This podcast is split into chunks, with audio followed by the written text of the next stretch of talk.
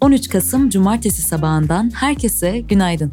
Bir hafta sonu sabahında daha Aposto 6.30 yayınında ben Gizem sizlerleyim. Bugünün bülteni huzurlarınıza Lease Plan Türkiye destekleriyle geliyor.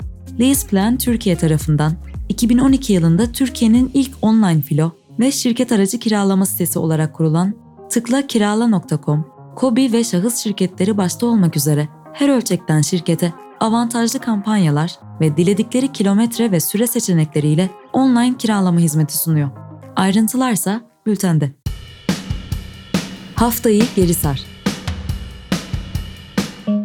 Cumhurbaşkanı Erdoğan, elektrik faturalarındaki TRT payı ile elektrik fonu kesintilerini kaldırma kararı aldıklarını duyurdu. Türkiye İstatistik Kurumu, Eylül ayına ilişkin işsizlik rakamlarını açıkladı. Buna göre işsizlik oranı Eylül'de bir önceki aya göre 0,3 puan azalışla %11,5 seviyesinde gerçekleşti. Şehir ziyareti sırasında bir kişiye hakaret eden Lütfü Türkkan, İyi Parti Grup Başkan Vekilliği görevinden Genel Başkan Meral Akşener'in talebiyle istifa etti. Türkkan'ın milletvekilliğinin düşürülmesi için tartışmalar sürdü. Cezaevlerinde yapıldığı öne sürülen çıplak arama uygulaması resmi gazetede yayınlanan düzenlemeyle yönetmelikten çıkarıldı. Yönetmelikteki çıplak arama ifadesi yerine detaylı arama ifadesi eklendi. Avrupa Konseyi, Doğu Akdeniz'deki faaliyetleri sebebiyle Türkiye'ye uyguladığı yaptırımların süresini bir yıl uzatma kararı aldı. Sivil Havacılık Genel Müdürlüğü, Türkiye'den Belarus'a gitmek isteyen Irak, Suriye, Yemen vatandaşlarına bilet satışı yapılmayacağını duyurdu.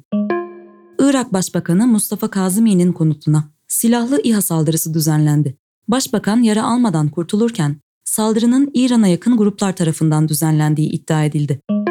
İsveç Başbakanı Stefan Löfven, başbakanlık görevinden istifasını Meclis Başkanı Andreas Norland'a sundu. Kuveyt yerel medyasının aktardığına göre de Kuveyt hükümeti istifasını Kuveyt emiri Şeyh Nevvah Es-Sabah'a sundu. Birleşmiş Milletler İklim Değişikliği Konferansı İklim Zirvesi'nin yayımlanan ilk taslak metninde kömürden çıkış, fosil yakıtlara alternatif bulunması, ülkelerin gelecek yılın sonuna kadar karbon salımının azaltılması için yeni planlar hazırlanması gibi maddeler yer aldı. Politika Politika başlığı altında bugün bizleri Kanal İstanbul tartışmaları yeniden isimli yazı karşılıyor. Çevre, Şehircilik ve İklim Değişikliği Bakanı Murat Kurum, TBMM Plan ve Bütçe Komisyonu'ndaki görüşmelerinde milletvekillerinin Kanal İstanbul konusundaki soru ve eleştirilerine yanıt verirken Kanal İstanbul'u kime sordunuz diyenlere cevabımız şu.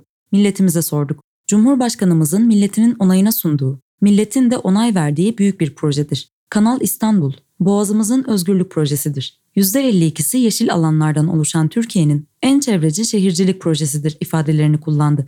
CHP Genel Başkan Yardımcısı Seyit Torun, kurumun açıklamalarına ne zaman halka sorduğunuzda onay aldınız? Sayın Bakan bir onay arıyorsa şunu bilmelidir. İstanbul halkı son seçimlerde 800 bin oy farkıyla Kanal İstanbul'a hayır demiştir ifadeleriyle yanıt verdi.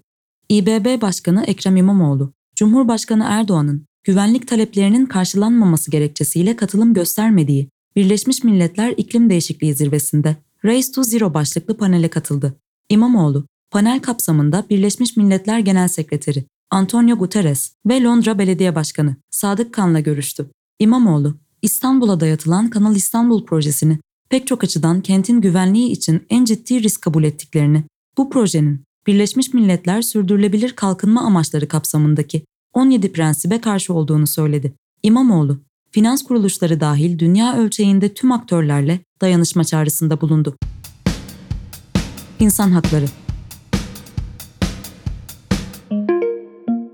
Bir çocuk 8000 kilometre. Emel'in yolculuğu başlıklı yazı bizlerle bugün. Küçük Emel isimli kukla, mülteci çocukların içinde bulunduğu olumsuz koşullara dikkat çekmek için Avrupa'da binlerce kilometre yürüdükten sonra Birleşmiş Milletler İklim Zirvesi'nin yapıldığı Glasgow'a ulaştı. Yolculuğa 27 Temmuz'da başlayan Emel, macerasını dün Manchester'da tamamladı. İklim değişikliğine yönelik farkındalık yaratmayı da amaçlayan 3,5 metre uzunluğundaki Emel, iklim aktivisti Brianna Furrian'la birlikte zirveyi gezdi. Furrian, ışık ve umudu temsil eden bir çiçeği Emel'e takdim ederken kız çocuklarına hak ettikleri dünya mirasını bırakmak için çalışmaya ve mücadele etmeye devam edeceklerinin mesajını verdi. Emel, acil emisyon kesintileri yapılmasını savundu. Peki ne zaman başladı? Güney Afrika'nın Cape Town şehrinde bulunan bir şirket tarafından hayata getirilen 10 yaşındaki Emel, yolculuğa Gaziantep'te başlamıştı. Emel, yolculuğu boyunca 8000 kilometre yol kat etmişti. Sinema ve televizyon Hawaii Meteor Mother'ın merakla beklenen spin-off dizisi. Hawaii Meteor Father'ın oyuncu kadrosunun ilk fotoğrafı yayımlandı. Hilary Duff, Chris Lovell, Tian Tran, Franco Reisa gibi isimlerin bir araya geldiği dizi, birbirine bağlı bir arkadaş grubunun şehir hayatı, aşk ve ilişkiler üzerine yaptığı sorgulamaları konu alıyor. Netflix imzalı Squid Game'in ikinci sezon onayı aldığı doğrulandı. Yönetmen Ban Dong-yak, ikinci sezon çalışmalarının hala planlama sürecinde olduğunu, çekimlerin henüz başlamadığını söyledi. Harry Potter serisinin ilk iki filminin yönetmeni Chris Columbus, Felsefe Taşı'nın 20. yılına özel olarak verdiği röportajında Harry Potter and the Cursed Child'ın beyaz perdeye uyarlanmasını istediğini ve filmi yönetmeyi umduğunu söyledi. Gastronomi Araştırma şirketi NPD Group, ABD'de öğle yemekleriyle ilgili yaptığı çalışmada insanların okullara ve ofislere döndükçe masa başı yemeklerinin arttığını belirledi. Restoran ziyaretlerinin bir önceki yıla göre %4 arttığını bildiren şirket, yine de öğle yemeklerinde restoran ziyaretinin pandemi öncesi seviyelere dönmeyeceğini tahmin ediyor. McDonald's, Mariah Carey ile Noel için işbirliğini duyurdu. Şirket, 13-24 Aralık tarihlerinde 1 dolar üzerinde sipariş veren müşterilerine Mariah menüsüyle her gün farklı bir ürünü bedava gönderecek. Şirket yıl boyunca BTS ve Travis Scott gibi sanatçılarla da işbirliği duyurmuştu. Geçtiğimiz ay bir sokak röportajında günde 14 saat çalıştığını söyleyen kuryenin işten çıkarılmasına ilişkin açıklama yapan Getir, kuryenin sokak röportajı sonrası işten çıkarıldığına yönelik paylaşımlar gerçeği yansıtmamaktadır dedi. Şirket kuryenin iş disipliniyle ilgili sebeplerden çıkarıldığını bildirdi. Müzik gündemi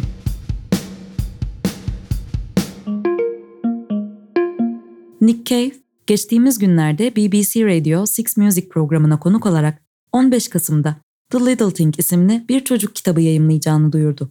Kitabın satışı, Nick Cave'in lisanslı ürünlerinin satışının gerçekleştiği Cave Things üzerinden olacak. Bonobo, yeni albümü Fragments'ı 14 Ocak'ta Ninja Tune etiketiyle yayınlayacağını daha önce duyurmuştu. 2017 çıkışlı Migration'ın ardından Bonobo'nun diskografisine eklenecek olan albümden bir yeni şarkı daha servis edildi. Placebo, 2013 çıkışlı Loud Like Love'ın ardından 8. albümü Never Let Me Go'yu 25 Mart'ta yayınlayacağını duyurdu. Grup bu müjdeli haberin yanında Surrounded by Spice isimli yeni bir tekli daha paylaştı. Brian Molko'nun bir paranoya merceğinden anlatılan gerçek bir hikaye olarak tanımladığı şarkıyı bültende yer alan linkten dinleyebilirsiniz.